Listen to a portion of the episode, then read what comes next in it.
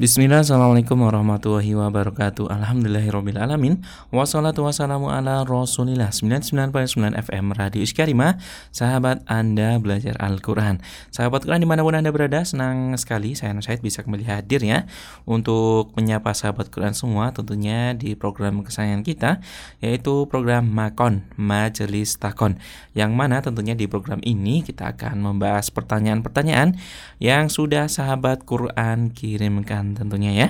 Dan alhamdulillah pada kesempatan kali ini kita masih akan melanjutkan ya Pertanyaan seputar bolehkah kita berkurban tanpa mengetahui wujud hewan kurban kita dan contohnya ya seperti kita berkurban di pedalaman atau di negeri muslim yang jauh. Dan tentunya pembahasan ini masih akan dibersamai oleh Syekh Isom Abdul Qadir Abdul Aziz sebagai uh, narasumber utama kita dan juga Ustadz Abdul Mujib Jauhar ya sebagai mutarjim kita. Dan sahabat Quran tanpa berpanjang lebar lagi langsung saja kita persilahkan kepada beliau berdua untuk memulai mengupas uh, masalah yang menjadi topik kita di kesempatan kali ini. Tafadhol Ustaz. Bismillahirrahmanirrahim. Assalamualaikum warahmatullahi wabarakatuh. Alhamdulillah الحمد لله الذي أنزل على عبده الكتاب ولم يجعل له عوجا قيما لينذر بأسا شديدا من لدنه ويبشر المؤمنين الذين يعملون الصالحات أن لهم أجرا حسنا أشهد أن لا إله إلا الله وحده لا شريك له أحمده سبحانه وتعالى لا نعبد غيره. أشهد أن محمدا عبده ورسوله. اللهم صل على محمد. وعلى آل محمد كما صليت على إبراهيم وعلى آل إبراهيم وبارك على محمد وعلى آل محمد كما باركت على إبراهيم وعلى آل إبراهيم في العالمين إنك حميد مجيد Para pendengar Radio Skarima sekalian yang berbahagia Alhamdulillah kembali berjumpa bersama kami dalam majelis taqwan bersama dengan Syekh Abdul Qadir Abdul Aziz sebagai narasumber dan saya Abdul Mujib Johar sebagai penterjemah. Semoga di mana pun Anda berada, senantiasa berada dalam lindungan Allah Subhanahu wa Ta'ala, dalam keadaan baik-baik saja, dijauhkan dari segala macam mara bahaya dan dijauhkan dari segala jenis penyakit apa pun. Amin. Amin ya Rabbal 'Alamin. Masih melanjutkan pada pembahasan dari pertanyaan yang sebelumnya tentang hukum mewakilkan korban kepada orang lain. فما زلنا نتكلم في توكيل الأضحية. جزاكم الله خيرا. السلام عليكم ورحمة الله وبركاته. بسم الله الرحمن الرحيم. الحمد لله رب العالمين. والصلاة والسلام على أشرف الخلق وأطهرهم وأزكاهم محمد بن عبد الله صلى الله عليه وسلم. الرحمة المهداة والنعمة المسداة والسراج المنير البشير والنذير. اللهم أحينا على سنته وأمتنا على ملته وارزقنا شفاعته وأرفقنا صحبته في الفردوس الأعلى. ومتعنا بلذات النظر إلى وجهك الكريم. اللهم أمين يا رب العالمين. اللهم سلمني وسلم مني. اللهم سلمني وسلم مني. اللهم سلمني وسلم مني. أما بعد. وقلنا بالأمس أنه في مسألة الوكالة فإن الموكل يجوز أن يكون مالكا للأضحية أو يشترط في الموكل أن يكون مالكا للأضحية حيث بعد ذلك يستطيع أن يوكل هذا الشخص. والحنفية أجازوا أن يكون هناك في الوكالة شرطان. الشرط الأول وكالة الشراء ثم وكالة الذبح. فإذا حدث هذا فتكون هي جائزة. وهذا حاليا ما يحدث هذا حاليا ما يحدث بطريقة واضحة. في مسألة الصكوك التي تحدث في البنوك الإسلامية أو التي تحدث من خلال المعاهد الإسلامية أو من خلال المدارس الإسلامية أو من خلال بعض الناس بجمع الصكوك أو من خلال لجنة القرية التي تقوم على جمع الأموال ثم بعد ذلك ذبح الأضحية أو شراء الأضحية وذبحها نيابة عن أهل القرية جميعا وتوزيعها على أهل القرية ثم توزيعها على الفقراء والمساكين. وبهذا الرأي الذي أخذ به أبو حنيفة حقيقة كان هذا الرأي موافقا لكلام أبي بكر الصديق رضي الله عنه. هذا الرأي كان موافقا لأبي بكر الصديق وكذلك لأبي بن كعب وموافقا لعبد الله بن عمر ولنافع مولى عمر ولأبي حنيفة آه النعمان رضي الله عنه. وهذا القول آه، يخرجنا في هذه الأيام من دائرة كبيرة جدا وهي أن يعني كأنه يدخلنا في المسألة التي معنا في هذا اليوم وهو الذي يقول بالجواز في هذه المسألة. أما الشافعية والمالكية والحنابلة فاشترطوا في التوكيل أن تكون الذبيحة موجودة وحاضرة. يعني تكون الذبيحة موجودة مملوكة يشتري أولا صاحبها الذبيحة هذا شرط عند المالكية. أو الحنابلة أن تكون الذبيحة مملوكة لصاحبها. بمعنى يا أستاذ عبد المجيب أنت تشتري أولا ذبيحتك وتجعل هذه الذبيحة في بيتك ثم بعد ذلك تريد أن توكل واحد في سومطرة يذبح خلاص لا بأس أرسل له الأضحية وهو يذبحها لك لا بأس. لكن آه طبعا هذا الأمر فيه صعوبة ومشقة على الناس ولذلك هذا الأمر صعب. يعني أنت مثلا لو اشتريت أضحية هنا في بيتك وأرسلتها مثلا إلى آه قريتك في آه تشيربون مثلا. لو أنت أرسلت إلى هناك ستحتاج إلى تكلفة كبيرة. السيارة التي ستنقلها والذي سيأخذها والذي سيذهب وفيه مشقة على أهل البيت. إذا اذهب اذبح في بيتك وخلاص. ما هي؟ فقالوا هذا فيه من الإعسار على الناس. يعني فيه إعسار على الناس وفيه تشديد وبالتالي فإن هذا الأمر يدخل الناس في عسر شديد وخاصة في هذه الأيام التي انتشر فيها الفقر في أكثر البلاد الإسلامية وخاصة في البلاد التي تقوم فيها الحروب التي قامت فيها الحروب فأفقرتها وجوعت أهلها وبالتالي هؤلاء يحتاجون إلى الإعانة والمعونة. وعلى ذلك فإن الفتوى هنا كانت على مذهب الإمام أبو حنيفة الذي قال يجوز الوكالة في الشراء. طب الوكالة في الشراء هذا قالوا يجوز أن يكون من بلد إلى بلد. يعني من بلد إلى بلد. يعني أنت مثلا في إندونيسيا وواحد في اليمن تقول له خلاص اشتري وبيع. أو توكل واحد في نفس البلد. خلاص اشتري واذبح. وهو يشتري ويذبح. طيب هل شرط فيها الرؤية؟ يعني هل شرط مثلا هل يشترط أن ترى آه الذبيحة؟ أو ترى الموكل اشترى أم لا اشترى نعرف ذلك بعد ترجمتكم إن شاء الله Kemarin kita telah menyampaikan tentang syarat orang yang mewakilkan. Di antara syaratnya adalah korban hewan yang akan dikorbankan tersebut sudah merupakan uh, pemilik sempurna ya, sudah milik sempurna orang yang mewakilkan.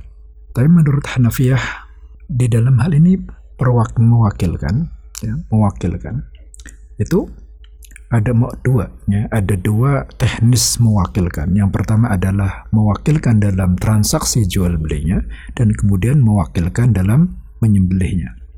Seperti misalkan saya tinggal di Indonesia saya punya saudara di Yaman maka saya uh, minta kepada saudara saya yang di Yaman tersebut saya kirim uang ya tolong belikan kambing atau belikan unta atau belikan sapi atau apa saja ya Kemudian setelah itu kamu potong dan kamu bagi daging uh, bagikan dagingnya di sana. Ya. Menurut mazhab Hanafi, menurut Hanafiyah itu uh, boleh ya.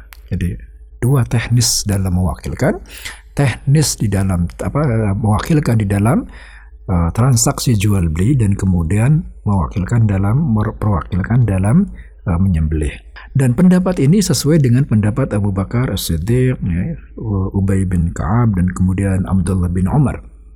Karena kondisi kita, kondisi kita uh, sering mengalami kesulitan. Seperti ada terjadi uh, musibah bencana alam, ada kelaparan, kemudian ada peperangan, tentu sulit. Kalau saya harus membeli kambing di Indonesia, kemudian saya mau mengirimkannya ke daerah yang dilanda peperangan, misalkan di Afghanistan, gitu, misalkan di Yaman, atau di mana saja yang uh, terjadi krisis bencana alam atau bencana peperangan, ya, tidak mungkin saya mengirimkan kambing ke sana ke daerah tersebut. Ya. Maka yang paling mudah adalah saya kirim uang kepada seseorang yang ada di sana, kemudian orang tersebut membelikannya dan orang tersebut sekaligus memotongnya. Inilah yang uh, mudah, ya. Inilah yang bisa kita kerjakan. Kemudian Syafi'ah Hanabilah mengatakan ya mendapatnya bahwasanya yang syaratnya itu hewan kurbannya harus ada di tempat. Hewan kurban yang akan di potong tersebut yang akan diserahkan kepada orang lain untuk disembelihkan tersebut harus ada di tempat. Nah, apakah disyaratkan untuk melihat hewan korban yang akan kita korbankan? Ya, kemudian kita minta orang lain untuk menyembelihkannya, kemudian apakah kita disyaratkan apa ada syarat ada apakah ada persyaratan kita untuk melihat hewan tersebut sebelum dikorbankan ya nanti akan kita bahas selanjutnya وهنا نجد أن مذهب الجمهور يشترط الرؤية يعني يشترط أن يرى ذبيحته بنفسه لأنه هو المطالب بالذبيحة يعني يشترى للإنسان يشترط للإنسان الذي سيذبح أو المضحي أن يرى ذبيحته بنفسه. يعني يرى الذبيحة بنفسه يشتريها يعرف ما فيها من العيوب يقدمها للمال الوكيل خلاص يذبح طب ما هو دليلهم على ذلك؟ قالوا دليلهم على ذلك أن النبي صلى الله عليه وسلم نحر مئة من الإبل. يعني أراد أن ينحر مائة من الإبل فنحر منها ثلاثا وستين. يعني نحر النبي صلى الله عليه وسلم ثلاثة وستين وأوكل إلى علي بن أبي طالب سبعة وثلاثين. وبالتالي حينما ننظر في ذلك فنجد أن المئة كلها كانت مملوكة للنبي صلى الله عليه وسلم ثانيا أنها كانت أمام عين النبي صلى الله عليه وسلم يعني أن النبي صلى الله عليه وسلم قد اختارها وجهزها رسول الله صلى الله عليه وسلم في هذا الأمر. وبناء على ذلك فإن النبي صلى الله عليه وسلم حينما أراد أن يذبح المئة رآهم كلهم جميعا ثم بعد ذلك أوكل. فبالتالي شرط الرؤية هذا مشروط عند الجمهور. أما عند الحنفية فلا يشترط فيها الرؤية. قالوا لماذا؟ قالوا لأنها لأن الوكيل مؤتمن. والنبي صلى الله عليه وسلم قال المؤتمن ضامن. المؤتمن ضامن بهذا الوكيل ائتمنه رسول الله صلى الله عليه وسلم ائتمنه الناس على أن يضحي بأموالهم وبالتالي هو أصبح مؤتمن والمؤتمن ضامن. ضامن كلمة ضامن تشمل معنيين. المعنى الأول أن يكون ضامنا لثمنها إذا آه، أصابها شيء. يعني يكون ضامنا لثمنها إذا أصاب شيء بأن ضاعت بأن خرجت ولم تعود بأن حدث شيء بأن كذا كذا كذا. الأشياء التي تحدث هذه خلاص إذا في هذه الحالة يضمن ثمنها. الأمر الثاني كلمة ضامن يعني بمعنى أنه يضمنها أمام الله سبحانه وتعالى. الضمان أمام الله أي هي في ذمته هي في ذمته. فالضمانة الثانية هذه ضمانة معنوية. ضمانة معنوية. ما معنى ضمانة معنوية؟ الضمانة المعنوية معناها أنه يقوم بالنظر إليها ويقوم وقت شرائها يكون مثله مثل صاحبها بالضبط. لا يفرق بين آه، شيء. فيشتري أجود شيء. يعني إذا أراد أن يشتري يشتري أجود شيء ولا يشتري أنقص بل يبحث عن الشيء الأفضل دائما حتى لا يدخل في المساءلة أمام الله سبحانه وتعالى ولا يتهم بالتقصير أمام الله سبحانه وتعالى.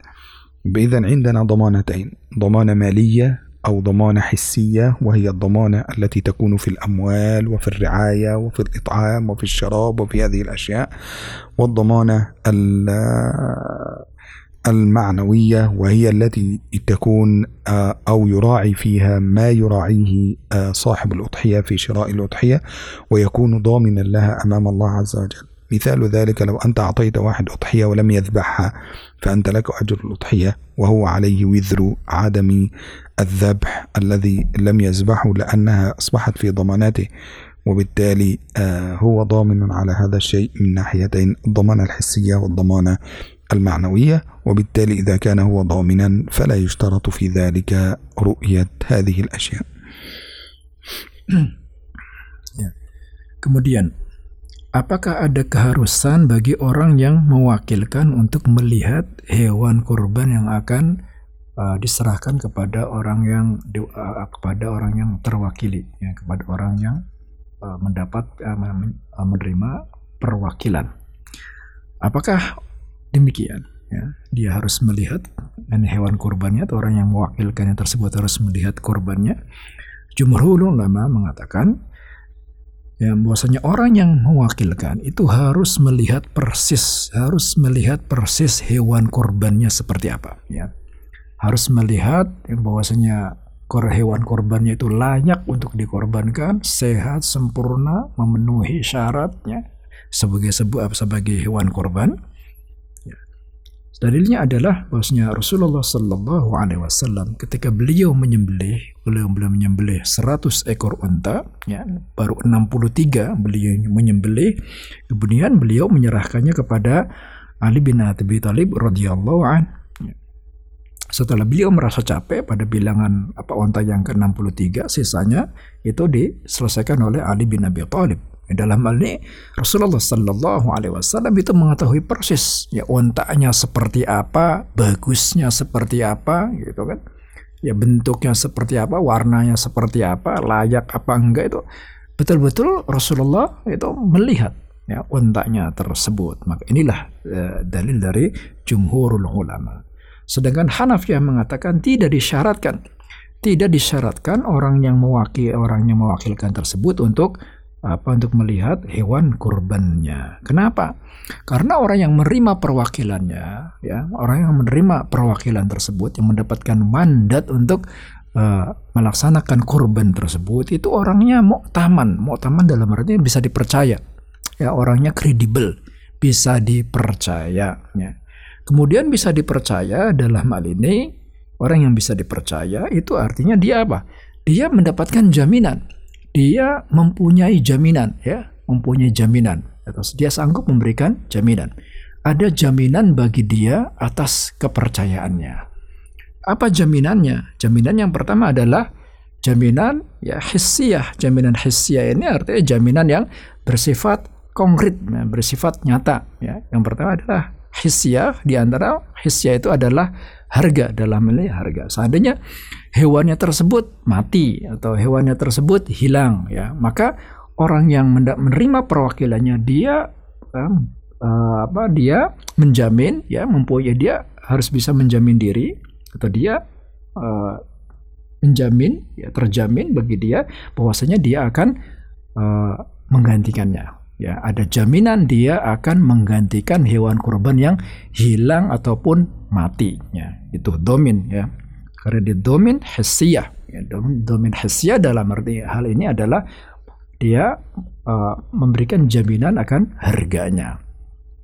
Kemudian domin ma'nawiyah. Apa yang dimakan dengan domin ma'nawiyah? Dia mendapatkan jaminan secara maknawi ya dia mendapatkan jaminan secara ma'nawi ada dari sisi Allah Subhanahu wa taala. Dia betul-betul menyadari bahwasanya ini adalah sebuah amanah ya. Dan bahwasanya Allah Subhanahu wa taala itu akan akan mengawasinya, akan uh, menyaksikan perbuatannya. Apakah dia melaksanakan amanahnya apa tidak, apakah dia menjalankan tugasnya mau menerima perwakilan untuk uh, untuk menyembelih kurban apa tidak. Kalau seandainya dia tidak menyembelih hewan kurban atau dia seandainya menyalahgunakan ini ya kepercayaannya, maka orang yang mewakilkannya, orang yang mewakilkannya tetap mendapatkan pahala, sedangkan orang yang mendapatkan perwakilan dia akan mendapatkan dosa di sisi Allah Subhanahu wa taala. Maka demikianlah alasannya.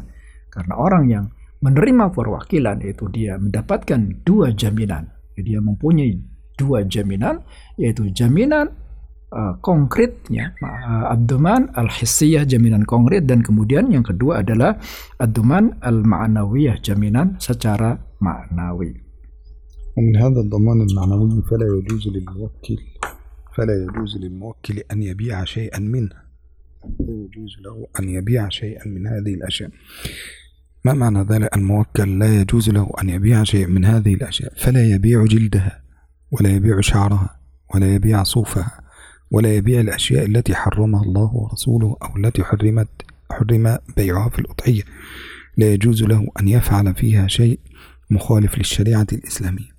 لا يجوز له أن يذبح قبل الصلاة بل عليه أن يصطبر حتى يدخل الوقت. لا يجوز له أن يذبح قبل الإمام بل عليه أن يصطبر حتى ينتهي من الصلاة ويبدأ في الذبح. ولذلك حينما ننظر إلى هذه المسألة فنجد أن الموكل خلاص في ضماناته المعنوية قد أصبح مثله مثل صاحب الذبيحة بالضبط. لا فرق بين هذا ولا هذا. كذلك يجوز له التسمية بل عليه أن يبدأ بالتسمية وتكون التسمية واجبة.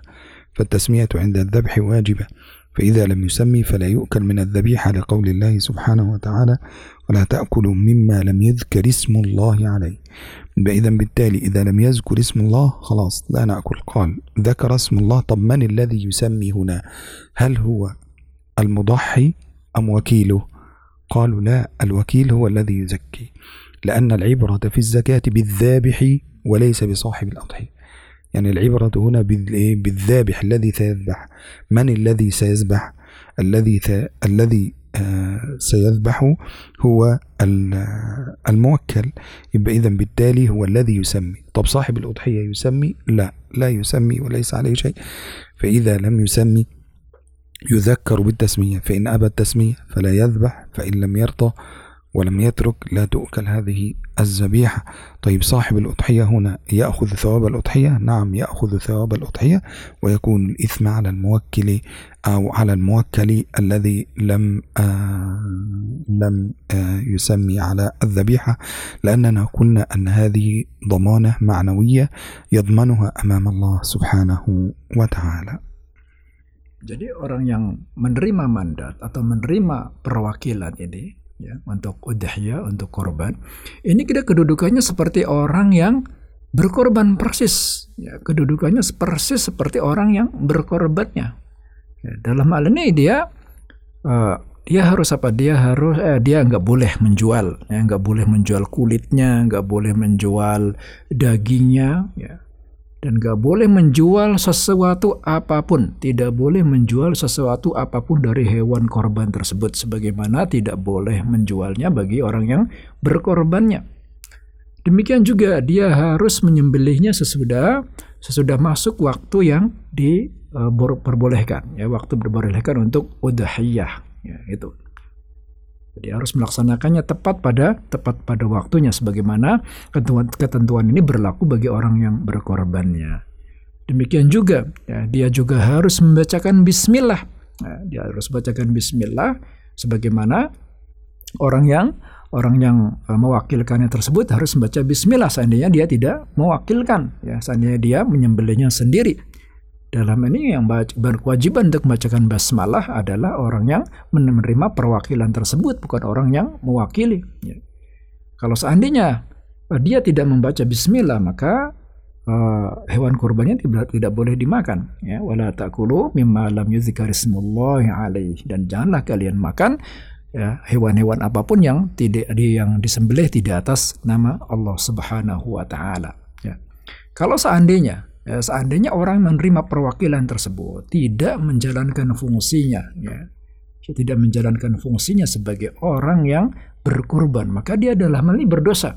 Ya seandainya dia misalkan tidak membaca basmalah atau seandainya dia dalam hal ini menjual sesuatu dari uh, hewan korban tersebut ya. Atau dia tidak melaksanakan ini ya tidak melaksanakan amanahnya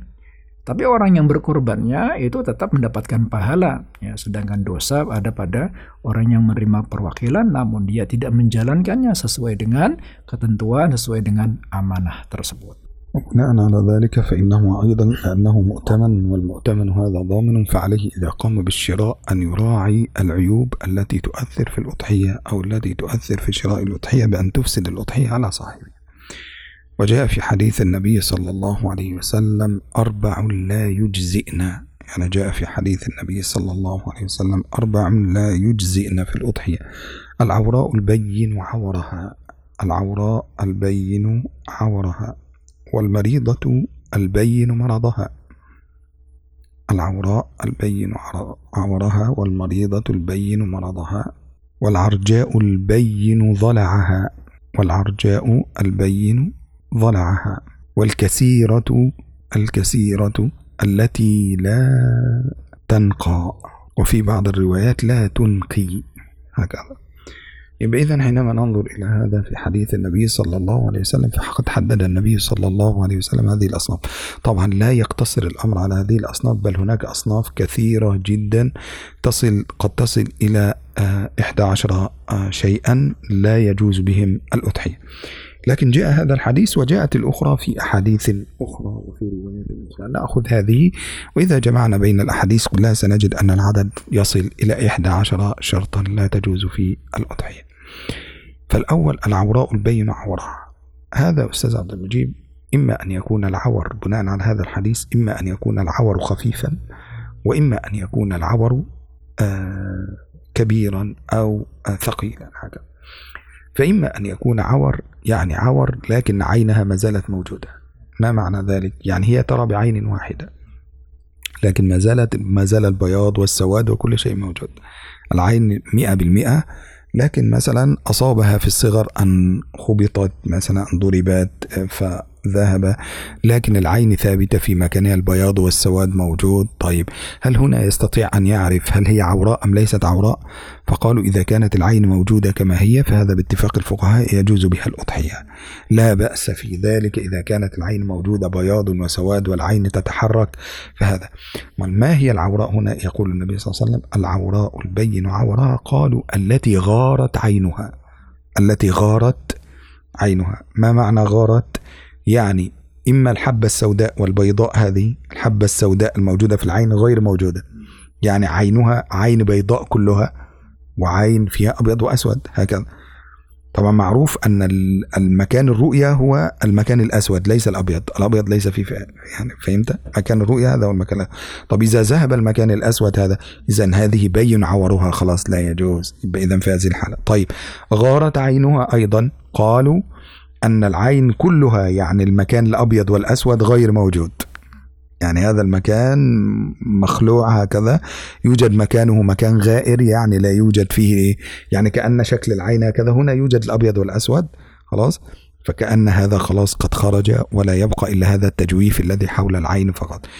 إذا عندنا صورتين للعوراء البين عورها أما العرجاء البين ضلعها العرجاء البين ضلعها أي التي تمشي على رجل ولا تستطيع أن تمشي على الثانية. لكن إذا كان العرج هذا خفيفا فلا بأس به. أما إذا كان العرج شديدا فلا يجوز في ذلك أن يضحى به.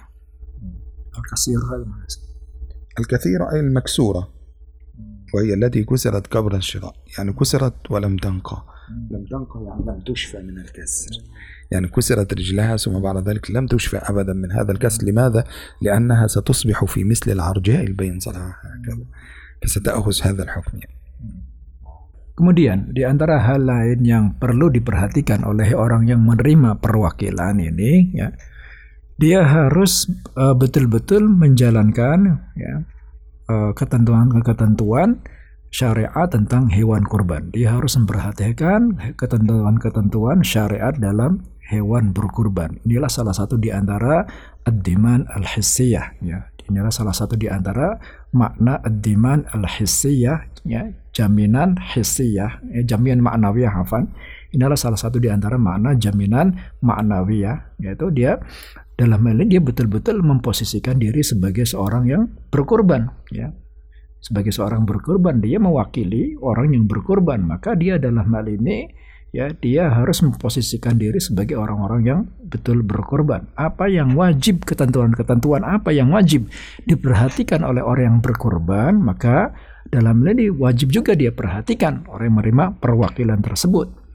Di antara ketentuan-ketentuan yang harus diperhatikan oleh orang yang menerima perwakilan kurban ini adalah di dalam hewan kurban, yaitu sebagaimana disebutkan oleh Rasulullah Sallallahu Alaihi Wasallam dalam hadis beliau, arbaun la yujzina ya arbaun la yujzina al udahiyah ada empat ada empat hal yang tidak diperbolehkan dalam udahiyah yang pertama adalah al-awra al-bayin awaruha yaitu yang uh, picaknya yang picak atau yang buta yang buta sebelah ya, yang buta sebelah yang matanya cuma satu ya dan kemudian jelas itu jelas uh, matanya rusak satu ya Kenapa di apa perlu dijelaskan di sini al-bayin awaruha yang jelas butanya satu. Jadi di sana ada ada uh, kambing yang tidak bisa melihat atau sapi yang tidak bisa melihat ya. Tapi sebenarnya matanya itu terkelihatannya masih utuh ya. Kelihatannya matanya secara zahir itu masih masih normal ya. Masih ada hitam-hitamnya di tengah kemudian masih ada putih-putihnya. Jadi tidak ada lah ya tidak ada ciri-ciri tidak kelihatan bahwasanya hewan itu buta ya. Kemudian ternyata buta ya. Maka itu term tidak termasuk yang jelas butanya. Jadi yang dijelas yang jelas butanya adalah seperti apa? Tidak ada hitam-hitam ya, tidak ada hitam-hitam di dalam matanya tersebut. Kan hitam-hitam ini fungsinya untuk melihat ya. Kalau tidak ada hitam-hitam di tengah matanya berarti dia tidak bisa melihat. Ataupun uh, ada tempat matanya tapi kemudian bola matanya nggak ada ya bola matanya enggak ada maka ini tidak boleh.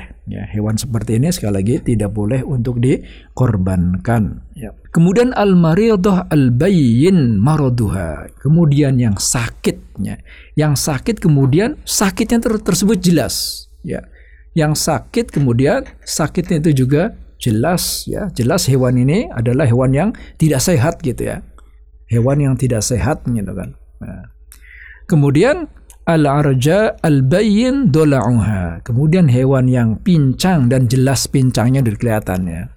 Pincang. Tapi kalau pincang ringan-ringan saja sih ya, seperti uh, apa seperti habis uh, terpleset apa gitu, pincang uh, pincang sedikit terus kemudian uh, sembuh lagi itu nggak mengapa. Tapi kalau hewan yang betul-betul pincang ya, ya dia apa uh, dia luka ya tidak tidak bisa berjalan cacat itu kakinya salah satu dari kakinya tersebut cacat dan kelihatan hewan tersebut pincang maka itu tidak sah tidak boleh untuk dikorbankan ya. Kemudian al kasirah allati la tangqa ya. Kemudian hewan yang hewan yang patah ya. Hewan yang patah salah satu dari anggota tubuhnya ya. Kemudian latang kok emang tidak bisa tidak bisa sembuh ya. Dia di apa dia kecelakaan ketabrak misalkan atau dipukul ya kemudian ada salah satu kakinya patah atau apanya patah lah ya. Kemudian tidak sembuh sembuh tidak bisa disembuhkan ya. Maka ini hewan seperti ini tidak boleh untuk dikorbankan. Uh, para pendengar radio Syarimas sekalian yang berbahagia demikianlah kajian kita hari ini ya. Mudah-mudahan bisa memberikan ilmu yang bermanfaat ya dan insya Allah akan kita lanjutkan lagi pada sesi majelis takun yang berikutnya. Mudah-mudahan Allah Subhanahu wa taala masih memberikan kesempatan kepada kita. Jazakumullah khairan atas perhatiannya. Assalamualaikum warahmatullahi wabarakatuh Waalaikumsalam warahmatullahi wabarakatuh. Jazakumullah khair. Kami ucapkan untuk Syekh Som Abdul Qadir Abdul Aziz dan juga uh, Ustadz Abdul Mujib Jauhar yang telah menyempatkan waktunya untuk bisa hadir dan juga memberikan ilmunya ya, membagikan ilmunya kepada kita semua tentunya dan alhamdulillah semoga apa yang telah beliau sampaikan tadi, beliau berdua sampaikan tadi tentunya bisa menambah ilmu kita dalam uh, melakukan ibadah kurban di tahun ini dan di tahun-tahun berikutnya tentunya. Dan mungkin bila kita sudah paham ya seperti itu, bisa kita tularkan ya kepada saudara-saudara kita tentunya. Dan jangan uh, lewatkan kelanjutan dari pembahasan ini karena belum selesai ya. Tunggu episode berikutnya ya. uh, kita tutup dulu perjumpaan kita di kesempatan kali ini dengan membaca hamdalah dan doa kafaratul majelis. Alhamdulillahirabbil alamin. Subhanakallahumma wa bihamdika asyhadu alla ilaha illa anta astaghfiruka wa atubu ilaik. Wassalamualaikum warahmatullahi wabarakatuh.